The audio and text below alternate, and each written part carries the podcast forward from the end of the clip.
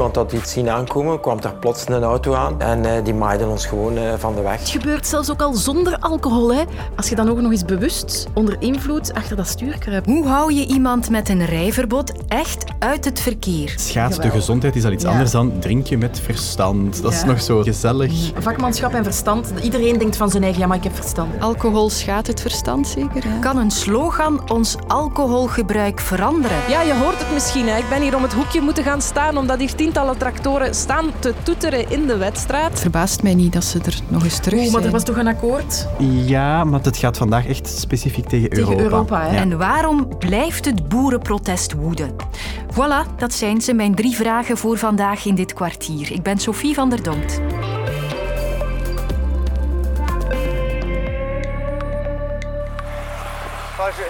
Wij waren twee aan twee aan het fietsen. Maar met dat we met vijf zaten, was ik de laatste en zat van achteraan. En uh, we waren nog aan het lachen en aan het doen. En uh, plots, in één keer uit het niets... reed er een man met een rijverbod recht op het groepje wielertoeristen af. Met het equivalent van 13 of 14 glazen alcohol in zijn bloed. Toen wij daar op de grond lagen, kwam hij uh, daar rondlopen, gelijk een bezetene.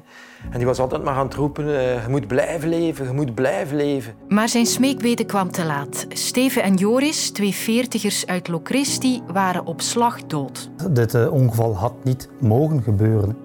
En toch zijn er dus mensen die veroordeeld zijn tot een rijverbod, maar wel nog achter het stuur kruipen. Hoe kun je ze uit het verkeer halen? Mijn naam is Koen Willebrots. Ik ben politierechter in eh, Antwerpen, meer bepaald de afdeling Turnhout en woordvoerder van het Koninklijk Verbond van de politierechters. We geven mensen rijverbod, maar wat er daar dan mee gebeurt, dat ligt uiteraard buiten onze macht. De controle op zich van de naleving van dat rijverbod, dat is eh, in handen van de politie. Die natuurlijk niet op elke straathoek iemand kan zetten. Dat is inderdaad heel moeilijk afdwingbaar. Uh, maar het is niet zo dat de politie daar volledig zonder middelen zit. Dus het rijverbod kan niet ingaan voordat een agent het rijverbod heeft betekend. De politie komt langs en de politie die dat gewoonlijk doet, dat is de wijkagent. De meeste wijkagenten kennen hun pappenheimers.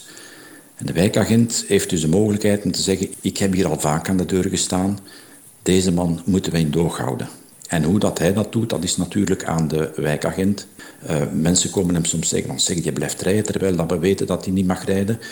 Of, en dat is nieuw sinds een aantal jaren, er bestaat de mogelijkheid om uh, de kentekenplaat, de nummerplaat van die betrokkenen in te geven in een systeem ANPR, om de controle te doen op de naleving.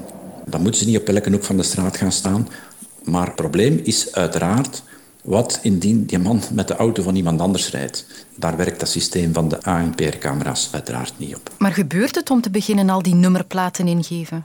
Ondoenbaar om dat voor iedereen te gaan invoeren. Dan heb je een politieapparaat nodig, maal honderd denk ik. Dat zijn er te veel.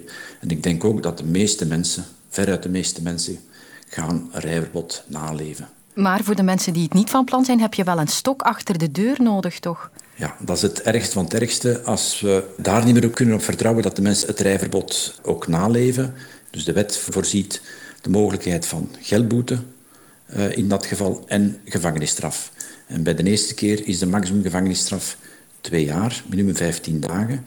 Maar in geval van herhaling, dat betekent dus heel grof gezegd binnen de drie jaar opnieuw hetzelfde doen, dus opnieuw het rijverbod negeren, dan worden de gevangenisstraffen en de geldboetes verdubbeld. Uw collega politierechter Dina van Latem vond het frustrerend dat celstraffen vaak niet uitgevoerd worden en zij deed een voorstel. Ik weet dat we misschien op glad ijs waren, maar dat we misschien een, een soort verkeersgevangenis zouden creëren, waar dat ze korte straffen moeten uitvoeren, één maand, twee maand, drie maand, maar effectief uit hun gezin, uit hun werk. Dan gaan ze weten waar ze aan toe zijn. Uh, ik zelf vind uh, preventie is het aller, allerbelangrijkste. Het moet voorkomen worden door middel van opvoeding, uh, zowel in de scholen als thuis, respecteren van iets dat een rechter oplegt. Mensen die uh, er niet voor terugdeinzen om een rijverbod naast zich neer te leggen, daar is het normbesef al serieus verlaagd. Is het ook uw gevoel dat mensen dat rijverbod nu vaker aan hun laars lappen? U zegt het juist, hè. we spreken over gevoel. Want dit is niet geturfd, dit is, wij, wij trekken geen streepjes. Uh, daar is bij mijn weten geen echt wetenschappelijk onderzoek over. Ik heb het gevoel dat het meer voorkomt, maar niet dramatisch veel meer. De meeste mensen gaan bij ons buiten en zeggen nog een merci. Hm? Maar je hebt daar altijd uh, mensen, de uitzonderingen, die bij zichzelf denken: ik heb pech gehad. Ik moet zien dat ik mij de volgende keer niet laat pakken. En dan weet je, die gaat je opnieuw zien. En zeker als ze dan hun kat naar de zitting sturen, als ze dus verstek laten gaan, dan denk ik, uh, enfin, ik doe dat en uh, ik ken meerdere collega's die het ook zo doen, dat we zo'n hoge straf uitspreken, dat we het hem onmiddellijk kunnen laten aanhouden met de bedoeling van dit moet gestopt worden. Dus om zeker te zijn, moet je iemand van zijn vrijheid beroven? 100% zekerheid gaat er enkel hebben als ze, als ze gevangen zijn. Want wij kunnen auto's verbeurd verklaren, dus de auto afnemen, alles wat je wilt, maar ze pakken de auto van iemand anders. Dus als je zegt, ik wil 100% zekerheid, ja, dan is gevangenisstraf helaas het enige dat je kunt doen.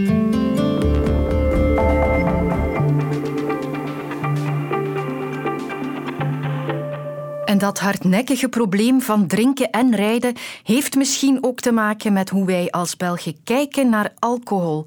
Nergens in Europa geven zoveel mensen toe dat ze alles achter het stuur kruipen met een glas te veel op als in ons land. 30% van de Belgen denkt trouwens dat rijden en drinken gewoon sociaal aanvaard is. En daarmee zijn we Europees kampioen. Drie of vier pintjes heb ik eens gedronken en ik heb gereden en het was niks. Als je dat vergelijkt met andere Europese landen, ja, daar spreken mensen elkaar aan op hun gedrag. Ja, die mentaliteit is hier in België nog absoluut niet aanwezig. Nochtans worden we om de oren geslagen met goede raad. Ons vakmanschap drink je met verstand. Bier met liefde gebrouwen drink je met verstand. Ons vakmanschap drink je met verstand. Een educatieve boodschap heet zoiets. Het is verplicht bij elke alcoholreclame. Maar die slogans over liefde en vakmanschap verdwijnen binnenkort. De sector wil een straffer signaal geven. Een korte, krachtige, duidelijke boodschap dat er een strijd moet gevoerd worden tegen het misbruik. En dan zou het iets worden als Alcoholmisbruik schaadt de gezondheid. De juiste formulering is nog niet helemaal afgeklopt, maar ik wil wel al weten wat het effect kan zijn. En dus deed ik een telefoontje. Ja, goedemiddag. Kathleen Beulens hier. Zij is professor gezondheidscommunicatie aan de KU Leuven en heeft voor mij die nieuwe slogan onder de loep genomen. Ik denk dat dat nieuw voorstel al iets duidelijker is, omdat het verwijst naar de uh, negatieve effecten van alcoholgebruik, hè, dat het de gezondheid kan schaden. Wat dat ik wel uh, problematisch vind, zeg maar, is dat de slogan zou spreken over alcoholmisbruik. Dat suggereert voor mij dat enkel heel veel drinken nadelig is, terwijl dat dan niet het geval is. Er bestaat niet zoiets als veilig alcoholgebruik. Um, zelfs licht tot matig alcoholgebruik is schadelijk voor je gezondheid, zowel op korte als op lange termijn. En is bijvoorbeeld geassocieerd met een heleboel soorten van kanker, zoals borst- en darmkanker. Die waarschuwingen voor alcohol bleven tot nu toe nogal hangen in de romantische sfeer van ambachten en geschiedenis.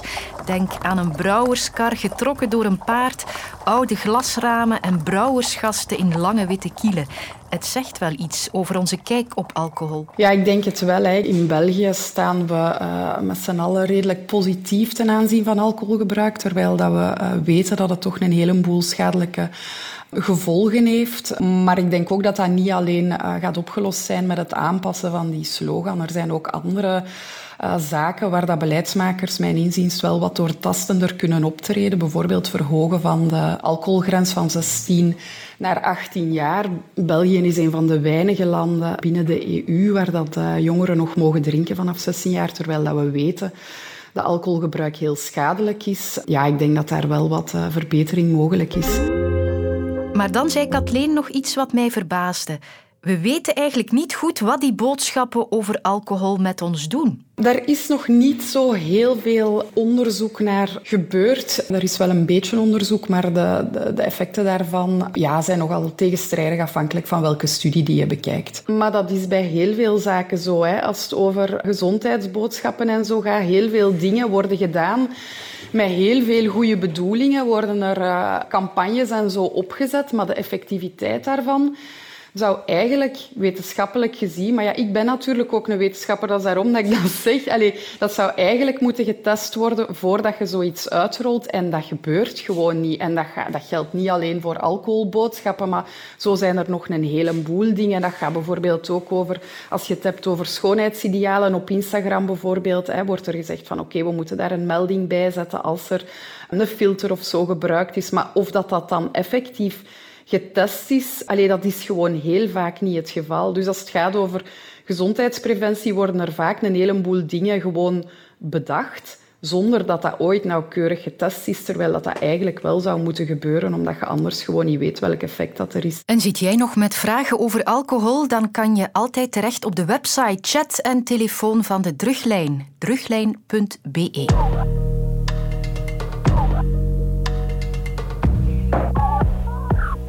Ja, eerst begon het heel rustig, een kolonne tractoren in de wedstraat. Maar uh, daarna is het snel geëscaleerd. De boeren hebben Brussel letterlijk onveilig gemaakt vandaag. Met zo'n 900 tractoren zijn ze naar Brussel gereden.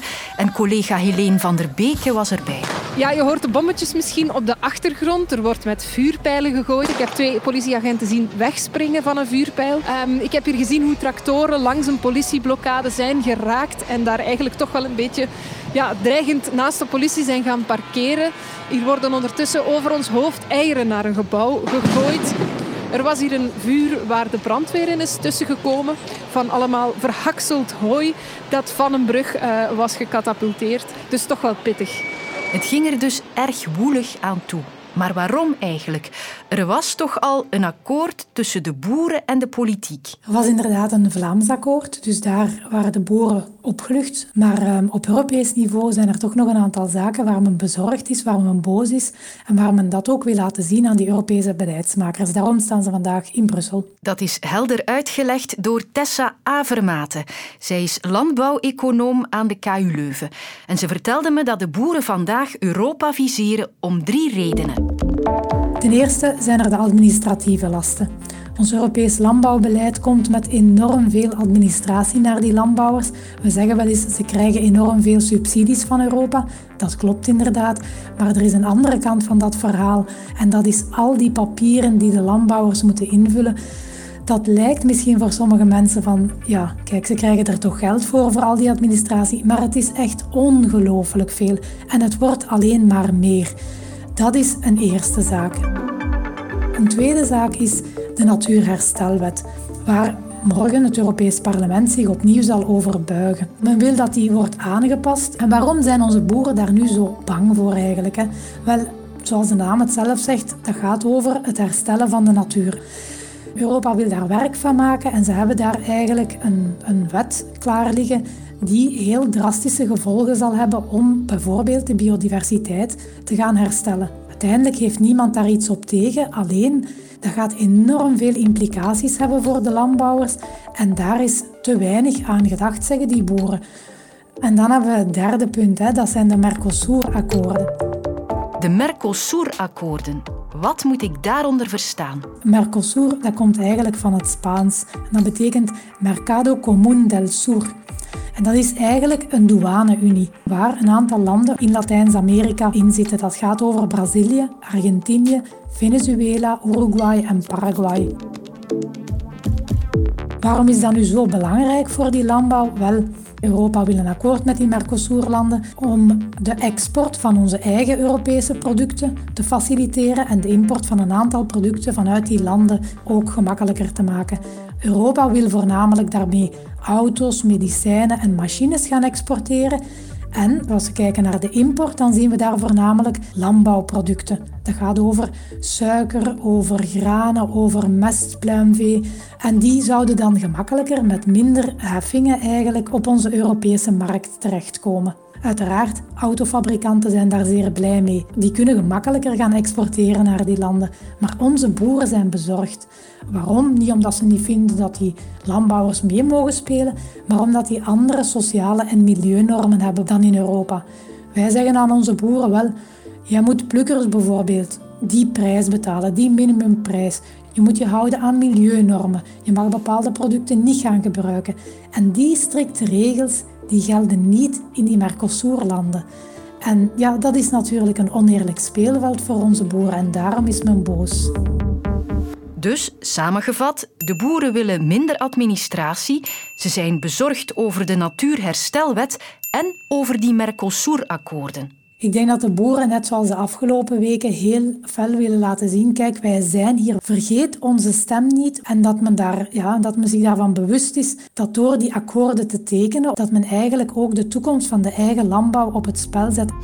En vandaag ging het boerenprotest er dus bijzonder hard aan toe in Brussel. Tot morgen voor een nieuw kwartier. Ik ben Aurélie Boffé en in mijn podcast Snapt je mij nu praat ik met jongeren over de dingen waar we van wakker liggen. Luister naar Snapt je mij nu via de app van VRT Nieuws.